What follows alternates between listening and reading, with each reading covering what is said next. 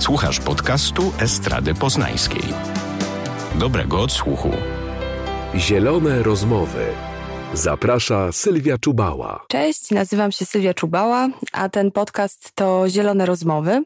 E, zapraszam do rozmów gościnie i gości, którzy dzięki swoim oddolnym, kolektywnym, często też eksperymentalnym działaniom doprowadzają do realnej zmiany społecznej, też zmiany oczywiście na rzecz ochrony środowiska.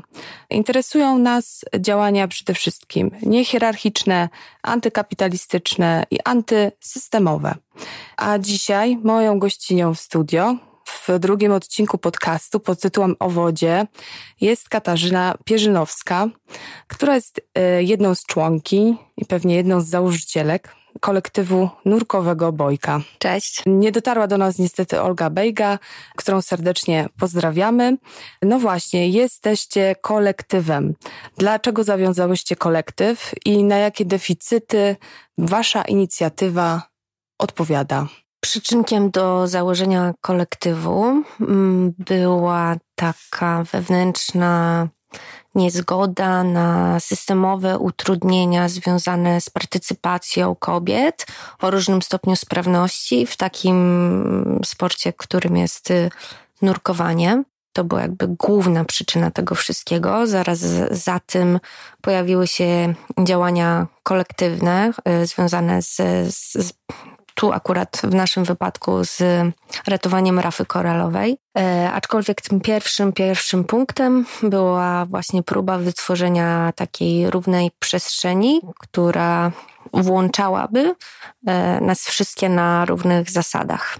O tak. No okej, okay. czyli, czyli jakby w, w, waszym kolektywie są, e, jak rozumiem, kobiety, bo jest to feministyczny kolektyw i pracujecie z osobami niepełnosprawnymi, e, uczycie je e, nurkować. Tak jest.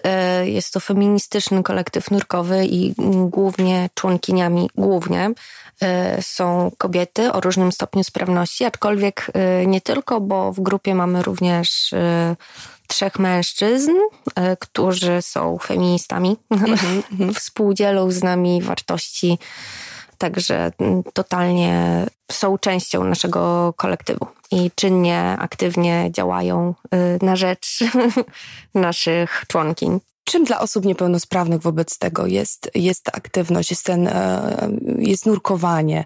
Tak, bo powiedziałaś o tym, że on faktycznie, mi się to e, kojarzy z takim sportem gdzieś tam ekstremalnym, zarezerwowanym dla takiego typowego, e, umieśnionego białego mężczyzny, który dodatkowo jeszcze ma pieniądze, żeby móc w ogóle bawić się w taki sport. A wy zupełnie odwracacie to, to znaczy w waszych działaniach bardzo mi się podoba to, że działacie na rzecz osób, które pozostają na marginesie widzialności, tak, w pewnym sensie. E, z drugiej strony kierujecie wasze działania jakby do kobiet, e, które też oczywiście gdzieś, e, właśnie te ekstremalne sporty, one nie są tak popularne jakby w, w, tutaj w przypadku tych, tych sportów ekstremalnych, nie jest to takie popularne. No a taka trzecia rzecz, którą ja dodam i która mi się niezwykle podoba, to jest to, że odbijacie ten sport w takiej uprzywilejowanej klasie społecznej, nie? Czyli tej klasie wyższej. Czynicie go takim sportem w sumie inkluzywnym, właśnie dostępnym. To jest niesamowite. E, jakbyś mogła powiedzieć, czym, czym właściwie właśnie dla tych osób niepełnosprawnych jest ta, jest ta praktyka? Tu należałoby zapytać się bezpośrednio naszych członkiń, bo nie chciałabym się absolutnie za nie wypowiadać. Mhm. Mogę jedynie powtórzyć e, słowa, które gdzieś tam wybrzmiały w toku naszych e, rozmów. No bo jesteśmy feministycznym kole kolektywem. Istnieją organizacje, które zajmują się również nurkowaniem e, dla osób o różnym stopniu mhm. sprawności. No my chciałyśmy stworzyć przestrzeń, która będzie stricte przeznaczona dla kobiet, z tego względu, że no, my nawet kobiety, które nie mają problemów y, utrudnień ruchowych, y, też w tym sporcie są gdzieś tam troszeczkę marginalizowane, może bardziej upupiane, o tak. Mm -hmm. I do momentu, kiedy jest się w stopniu rekreacyjnym, tym nurkowym, kiedy chce się traktować to jako zabawy, jest wszystko ok, kiedy możemy płacić za kolejne kursy. Mm, ja osobiście spotkałam się z takim momentem, gdzie przechodząc na ten poziom profesjonalny, no spotkałam się z taką dużą ścianą i to nie tylko w Polsce, ale gdzieś tam za granicą, gdzie faktycznie było mi umniejszane jako instruktorce tylko i wyłącznie z tego powodu, że jestem kobietą, tak? A tak jak wspomniałaś, to faktycznie, szczególnie w Polsce, nie w każdym wypadku, aczkolwiek w głównej mierze jest to sport yy, właśnie bogatych yy, białych mężczyzn. Mhm. No i my chciałyśmy przełamać yy, to wszystko. I ten sport generalnie łączy się z dużym nakładem finansowym, dlatego my, włączając kolejne członkinie, robimy te kursy za darmo. Staramy się korzystać z naszych wewnętrznych zasobów, bazować na naszych y, możliwościach instruktorskich. Mm, jesteśmy wspierane przez Fundusz Feministyczny, który też jest mhm. oddolną y, inicjatywą finansującą y, działania właśnie takich y, kolektywów jak my. Także to było bardzo ważne, no bo też jakby należy zaznaczyć to, że w, ten sport dla osób z niepełnosprawnością jest również droższy. Droższy jeszcze bardziej, aniżeli jest, z tego względu, że mm, mamy większe obostrzenia. Mm, mm, mamy wtedy zajęcia zazwyczaj jeden do jednego, no i to wiadomo zwiększa koszt kursu, także nie dość, że masz utrudnienia z wejściem do grupy, mm -hmm, dlatego, bo mhm. jesteś kobietą, dwa, bo jesteś y, o różnym stopniu sprawności ruchowej, trzy, musisz jeszcze dodatkowo zapłacić za to, że nie jesteś typowo yy, fizycznie. Tak, mhm. także no była to gruba niezgoda. Plus czwartym jakby takim czynnikiem w naszym wypadku była też niezgoda na taką e, właśnie wojskową metodologię mhm, nauczania. to, to nam się bardzo, e, mi osobiście bardzo gdzieś tam nie podobało. Wierzę w to, że nawet w sporcie ekstremalnym nie musimy tak bardzo mocno współzawodniczyć, nie musimy sobie umniejszać, y, nie musimy stosować właśnie wojskowych metod, nie musimy być hierarchiczni, tak? No jak dotąd y, przez trzy lata działania kolektywu to się sprawdza. Trafiają do nas różne osoby, które wcześniej rezygnowały z partycypacji w jakichś tam kursach właśnie ze względu na tą wewnętrzną niezgodę, na to, żeby mówić mm -hmm. do kogoś dziewczyneczko mm -hmm, i tak dalej, i tak mhm. dalej, y, przymuszania do jakichś tam rzeczy i, no i są już nurkiniami, także to jest fantastyczne. Czyli stosujecie zupełnie inne takie metody. E, one nie są stricte takimi metodami uczeń-mistrz e, w takim rozumieniu właśnie też patriarchalnym nauczania, tylko macie jakieś takie właśnie inne narzędzia. Czyli jakby ta formuła jakby tych działań taka kolektywna ma tutaj jakby duże znaczenie, tak? Że wy nie pracujecie w sumie uczeń właśnie mistrz, tylko raczej, raczej działacie wspólnotowo. To, to czego można się nauczyć pod wodą? przede wszystkim zaufania do swojego partnera, partnerki i zaufania do samego siebie. To jest bardzo mocno wzmacniające i to jest też taka rzecz, którą się potem post factum wynosi z wody i można się do niej odnieść w takich totalnie e, zwyczajnych działaniach. To jest tak zupełnie po, pokrętnie wzmacniasz się w sektorach, w których nie spodziewałabyś się, że się wzmocnisz. Tak? Także to jest e, super fantastyczne. Uczysz się kontrolować swój stres, bo tu warto zaznaczyć, że w nurkowaniu, nurkowanie tak naprawdę jest jednym sportem, gdzie adrenalina nie jest tym czynnikiem, który pomoże ci przezwyciężyć e, jakieś tam rzeczy i wspiąć się jeszcze wyżej. Tylko w spokój. Mhm. Tylko, bo ona się oczywiście pojawia, tylko w nurkowaniu masz ten dodatkowy aspekt, gdzie musisz pokonać swoją adrenalinę, musisz ją nauczyć się, nauczyć się ją e, opanowywać. Także to jest rzecz, która też fantastycznie się koniec końców potem sprawdza na powierzchni. Też czytałam właśnie, że wy łączycie ten kurs takiego właśnie nurkowania e, z jakimiś formami też medytacji, tak? Że tak. podchodzicie do tego właśnie w taki wielowymiarowy sposób. Tak, zdecydowanie, no bo yoga, medytacja to są rzeczy, które e, jakby takie integralne części naszych warsztatów nurkowych e, z tego względu, że ten stan nieważkości, no gravity, stan, który osiągasz pod wodą i praca z oddechem to są jakby podstawowe rzeczy i to przynosi ci niesamowity stan umysłu i też jesteśmy w stanie na powierzchni mm, właśnie dzięki e, wykorzystaniu pewnych technik e, pranayamy, czyli tych ćwiczeń mhm. oddechowych przybliżyć nieco formę bądź sposób, w jaki trzeba będzie funkcjonować pod wodą. I to jest bardzo też kluczowe, bo osoba wchodząca pod wodę do tego nowego środowiska totalnie jest szokowana, nie wie co się dzieje, ciało mówi nie, wychodź stąd, mm-hmm. nie Można chcę, nie chcę. łatwo. Tak, mm-hmm. tak. No i mhm. generalnie 90% ludzi gdzieś tam objawia mniejszy, mniejszy bądź większy stres a stosowanie wcześniej takich warsztatów powoduje, że osoba wie już od razu, jak opanować swój stres. I wiem od dziewczyn, że faktycznie to działa i mhm. że korzystały bezpośrednio z tych metod. A jeżeli słuchają nas e, osoby, które chciałyby do Was dołączyć, jest taka szansa w ogóle? W jaki sposób wyprowadzić jakiś nabór osób chętnych, które chciałyby właśnie nurkować, tak. a właśnie mają ograniczoną tą sprawność ruchową? Tak, generalnie m, zawsze co roku właśnie dzięki Funduszowi Feministycznemu E, jesteśmy w stanie zorganizować e, nowy nabór i wdrażamy nowe członkinie mm, do kolektywu.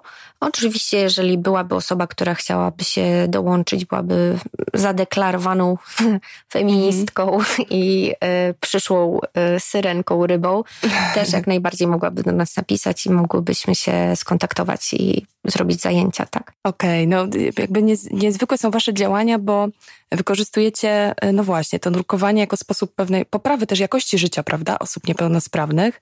To myślę sobie też, że oczywiście super jest to, że dzięki tym umiejętnościom waszym i ich, które nabędą dzięki wam, no robicie też niesamowitą rzecz, jeżeli chodzi o e, rafę koralową, tak? Że wybieracie się e, do Meksyku, e, czy tam, że sadzicie tą rafę. Jaki jest stan raf na świecie? Tragiczny. Tragiczny. Mhm. Rafy obumierają w zastraszającym tempie. Dramat raf polega przede wszystkim na tym, że nie są dla wszystkich widoczne i dlatego gdzieś ten problem gdzieś tam umyka nam między palcami.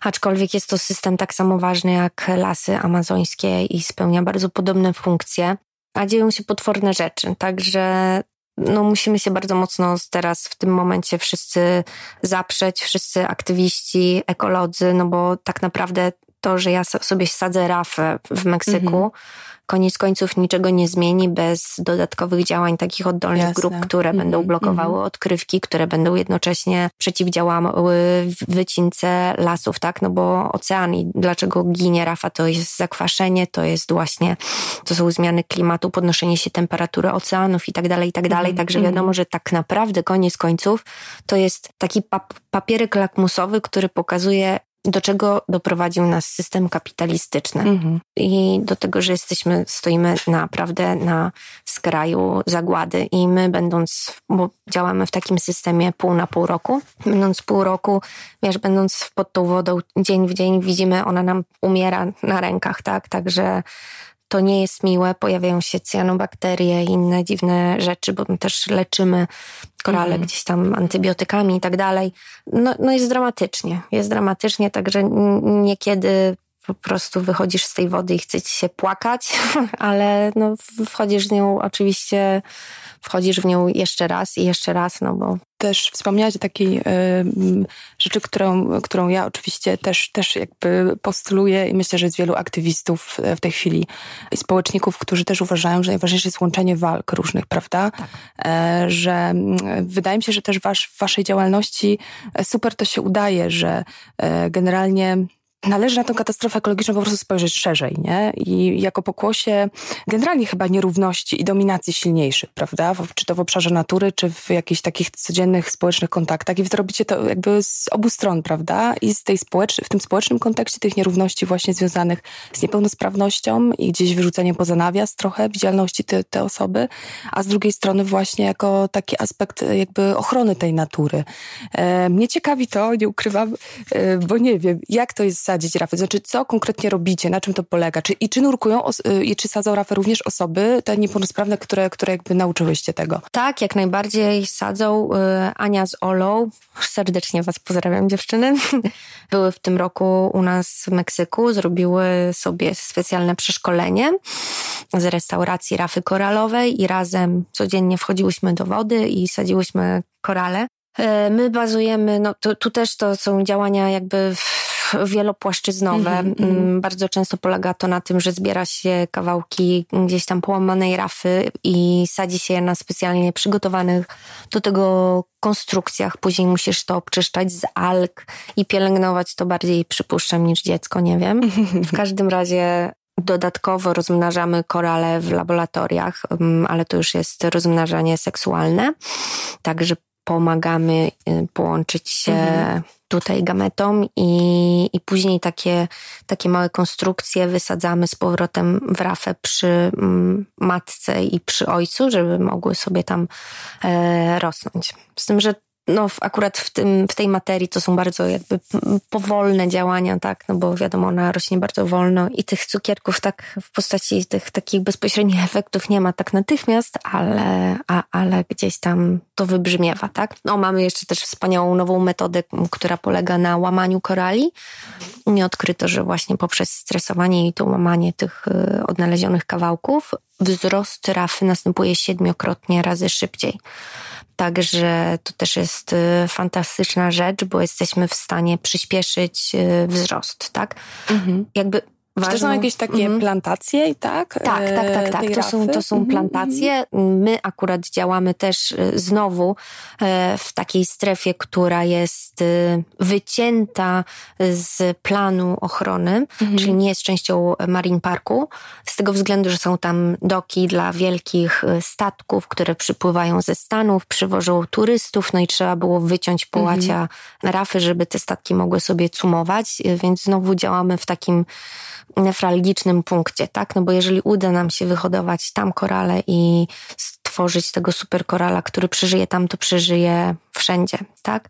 A poza tym też działania w tamtej strefie mają też wymiar polityczny, ponieważ zwracamy uwagę mhm. na to, mhm. że nie można zaniedbywać, nie można wyłączać w imię tych y, zysków pewnych sektorów z, z po prostu z, z ochrony, z podochrony, bo tak naprawdę wyłączenie tego sektoru wpłynęło na to, że reszta Marine Parku również została zainfekowana i też ginie. I te działania są takie pozorne, że tutaj gdzieś nie mogą wpływać. Co oprócz tego ocieplenia klimatu też ma wpływ na taki straszny stan? Pewnie też e, ci nurkowie, którzy eksplorują dno tak dla zabawy, e, jakieś generalnie turystyka, tak? Wiesz co, no powiem Ci tak, no zacznijmy od takiego poziomu makro, tak? Mhm. No bo można to rozpatrywać e, z poziomu nurka i zaraz do tego jakby wrócę, ale jakby tymi głównymi czynnikami, które najbardziej niszczą całe systemy raf koralowych w setkach kilometrów, no to jest podwyższenie temperatury wody, bo koral mhm. zaczyna się bielić, tak? Jak um, temperatura wody już tam wzrasta od półtora stopnia. I to generalnie jest spowodowane tym, że jest podwyższona podwyższony też y, y, stan temperatury na zewnątrz, to wiadomo jest spowodowane zwiększoną ilością CO2, czyli też znowu wracamy do odkrywek.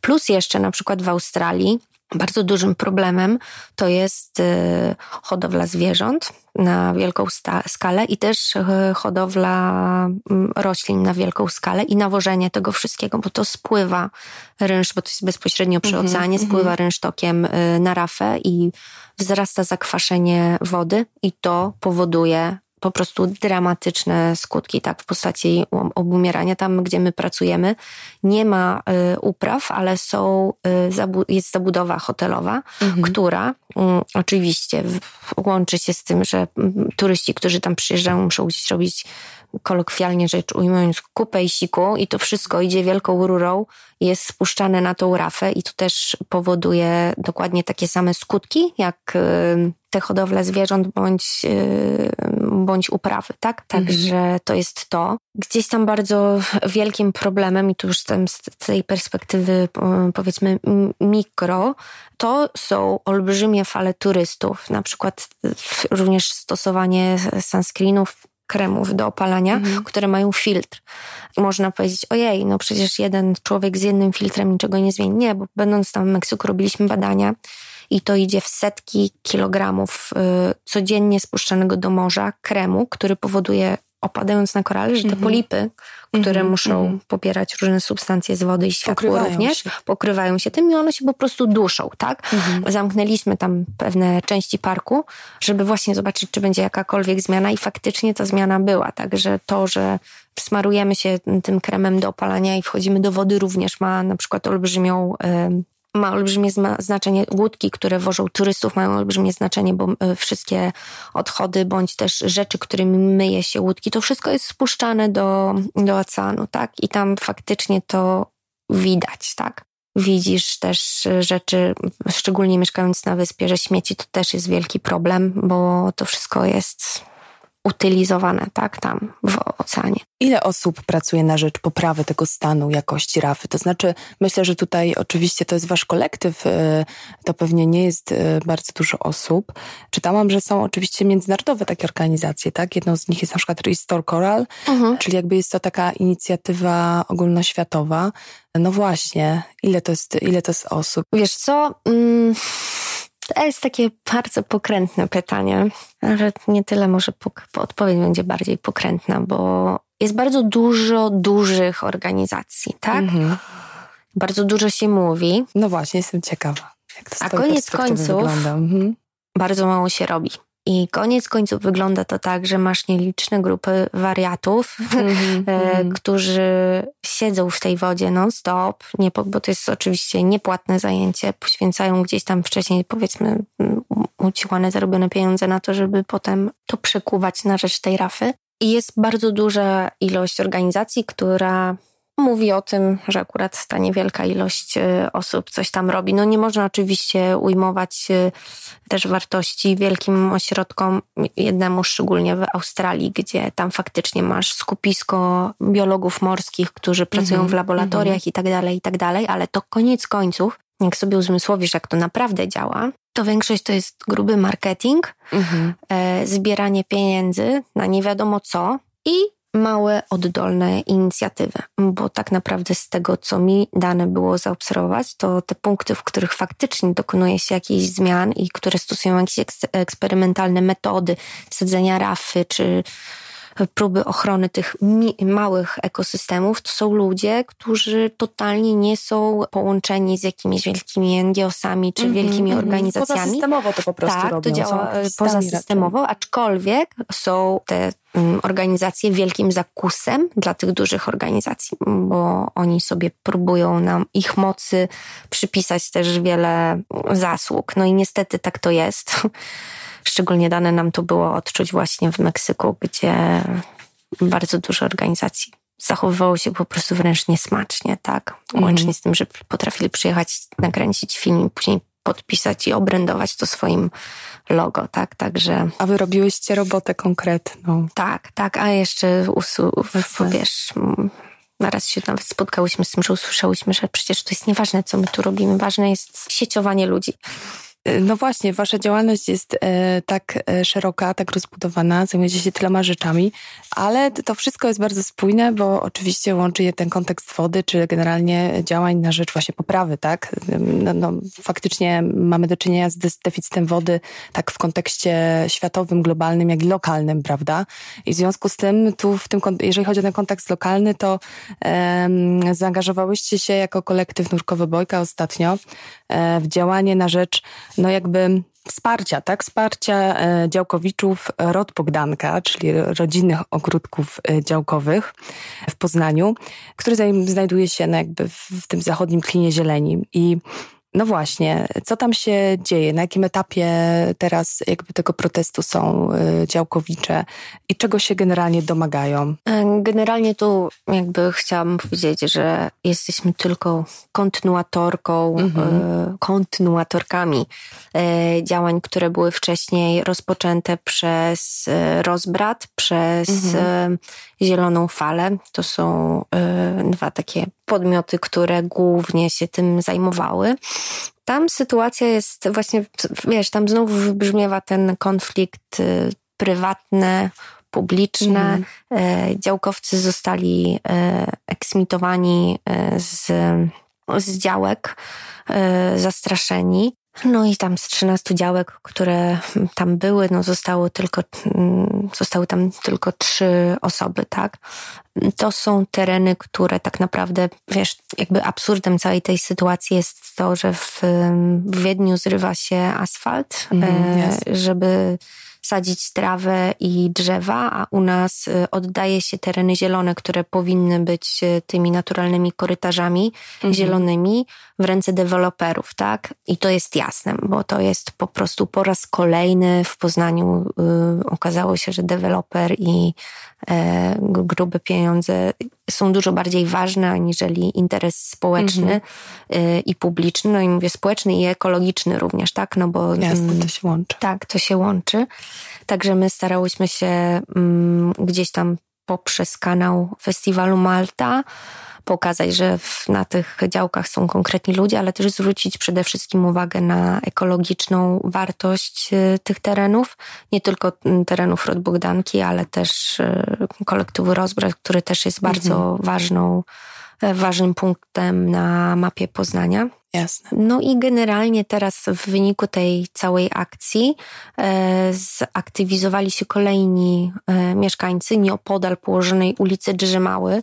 Byli bardzo ucieszeni tym, że generalnie e, los działkowców nie jest obojętny opinii publicznej i że inni ludzie gdzieś tam również utożsamiają się z tym problemem oni się zaktywizowali, też założyli, są w trakcie zakładania stowarzyszenia i próby obrony mm, swojej ulicy, no bo sytuacja jest bardzo podobna, mm -hmm, bo to też mm -hmm. leży w klinie zieleni. Deweloper Jasne. znowu wchodzi w tereny zalewowe, bo to jest jakby też bardzo ważne, że są to tereny zalewowe, retencyjne, co w świetle e, tej nowej ustawy, która teraz e, wchodzi, e, powinny być podwójnie chronione i absolutnie interes deweloperski nie powinien stawać nad wartością, funkcją retencyjną tych terenów, a staje po raz kolejny. Mm -hmm. No i mamy nadzieję, że dzięki na przykład takim rozmowom z Tobą i z innymi ludźmi ten problem będzie wybrzmiewał i coraz więcej mm ludzi będzie zwracało na to uwagę, bo jeżeli chodzi o ekologię, my już nie mamy po pierwsze czasu, a dwa działania post factum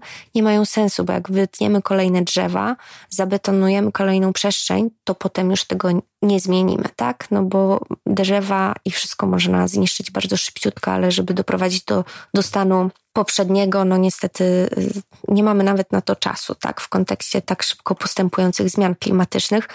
Jakby ważnym jest to, że tu w Rod Bogdanka, jakby finalnym, takim, powracając do swojego pytania, e, taką wisienką na torcie było mm, wprowadzenie uwag do planu zagospodarowania i mieszkańcy też ulicy Drzymały, jak również y, osoby związane bezpośrednio z rodem Bogdanka wniosły swoje uwagi i to jest kolejny krok, bo zostało wniesione oficjalne pismo i na pewno nie jest, nie jest to ostatni krok pierwszy, ale będzie, będziemy gdzieś tam y, działać dalej, tak? No bo nikt tego nie chce oddać po dobroci i nie powinien. I też ludzie mhm. powinni, w tym momencie jakby presja społeczna i świadomość społeczna powinna się bardzo mocno tutaj zaktywizować i pomóc, bo tak naprawdę to nie leży tylko i wyłącznie w interesie lokatorów na ulicy Drzymały, czy ludzi, którzy są w narodzie Bogdanka, bo to leży tak samo w twoim interesie, czy tu w interesie kolegi, no bo oddychamy wszyscy tym samym Jasne. powietrzem, temperatura w mieście się podwyższa, a każde mhm. drzewo, każdy ten teren zielony powoduje obniżenie temperatury, również wchłanianie się CO2, także no musimy o tym zacząć głośno myśleć i, i rozmawiać. I tak samo susza, tak, to jest też bardzo ważna rzecz. Właśnie, w jaki sposób można wesprzeć jakby te działania? To znaczy, ja myślę, że wy poprzez ten projekt, który robiłyście w ramach generatora Malta, on był prezentowany, zresztą widziałam, to był cykl zdjęć chyba takich fotografii, był też podcast poprowadzony z wami przez Ole Juchacz mm, w opuszczonym budynku Olimpii. No właśnie, jakby ważne jest to, żeby wskazywać jakby konkretne osoby, które stoją, prawda, w, jakby w obliczu właśnie ryzyka tych, tych, tych niekorzystnych zmian, czyli wy jakby, e, no dla większości ludzi faktycznie działkowcy rodu Bogdanka to są dosyć anonimowe osoby, wy jakby właśnie pokazałyście z tej z takiej ludzkiej strony e, też, e, na, na czym polegał ten projekt tak naprawdę. Widziałam te fotografie, mm, rozmawialiście jakby osobiście z tymi osobami, daliście im też właśnie przestrzeń na to, żeby się wypowiedzieć, czyli trochę działacie w ich imieniu, ale też dajecie im jakby przestrzeń na to, żeby mogli również sami jakby bronić tego miejsca. To też jest myślę ważne. Tak, no powstały trzy nagrywki, które zrobiła Ola, Olga i też chciałyśmy uczłowieczyć tą, mm, tą przestrzeń, mm. tak? Każdy z tych działkowców mógł się wypowiedzieć o, y, na swoich, opowiedzieć o wartościach, które bezpośrednio płyną mm, dla nich, mm tak? No bo to mhm. dla każdego z tych działkowców, tak, którego miałyśmy użytkowania tak, tak, tak, jakby, tak, okazję sfilmować, no to ka każdy gdzieś tam miał no nie każdy z nich powie, że chodzi tak. o to, że, żeby zachować, prawda, klin zieleni, nie? Tylko ale powiem ci, że generalnie e, tak, że to wybrzmiewało u każdego, aczkolwiek tak samo wartości właśnie miejskie, ale też te osobiste sentymenty, które też były sam, niesamowicie wzruszające i wspólnotowe może tak, też, tak, tak, tak, tak, jak najbardziej. No, gdzieś tam powinniśmy pamiętać, że wszędzie tam po drugiej stronie są ludzie, którzy mm. mają imiona i twarze i zawsze powinniśmy o tym pamiętać, tak, że w każdym takim, przy takim konflikcie mamy konkretnych ludzi, konkretne, konkretne problemy. No i jakby też bardzo ważnym dla nas było to, żeby to wybrzmiało w szerszym, przy szerszej y, publice, też wyszło poza te ogródki działkowe, E, myślę, że uzyskałyśmy trochę e, no, pozytywny, jakby bardzo pozytywnym następstwem było zaktywizowanie się tej całej nowej, mhm. Nowego, nowego jakby pasa, tego klinu zieleni z ulicy Drzemał, bo oni też nabrali wiatru w żagle i zobaczyli, że faktycznie można się zmobilizować e, i zorganizować oddolnie, jak się chce i że można stawić czoła ty, ja możemy stawić czoła takiej maszynie deweloperskiej, czy maszynie y, miejskiej, czy państwowej, tak? No bo tak naprawdę w obecnych czasach, w obecnej chwili no musimy się samoorganizować i stawiać temu Jasne. czoła, nawet jeżeli będzie się to wiązało z nieposłuszeństwem obywatelskim, nawet powinno z tego względu, że musimy sięgać po coraz bardziej radykalne środki, bo nie mamy czasu, nie mamy miejsca żeby na takie, wiesz, słabe, lekkie rozwiązania. Także im więcej będzie takich oddolnych e, akcji, tym ludzie będą, wiesz, no wierzyć w to, że można coś zmienić, a w tym momencie to jest najważniejsze, żebyśmy się wszyscy pobudzili. Jasne. Narzędzia są i, i jest ich dosyć sporo. O kilku, co najmniej kilku rozmawiałyśmy z Kasią y, Pierzynowską y, w, w, w kolejnym odcinku podcastu Zielone Rozmowy. Ja bardzo Tobie dziękuję, y, że przyjęłaś to zaproszenie i że mogłyśmy pogadać. Ja również bardzo dziękuję. Dzięki. Producentem podcastu jest Estrada Poznańska. Więcej na estrada.poznan.pl Zielone rozmowy.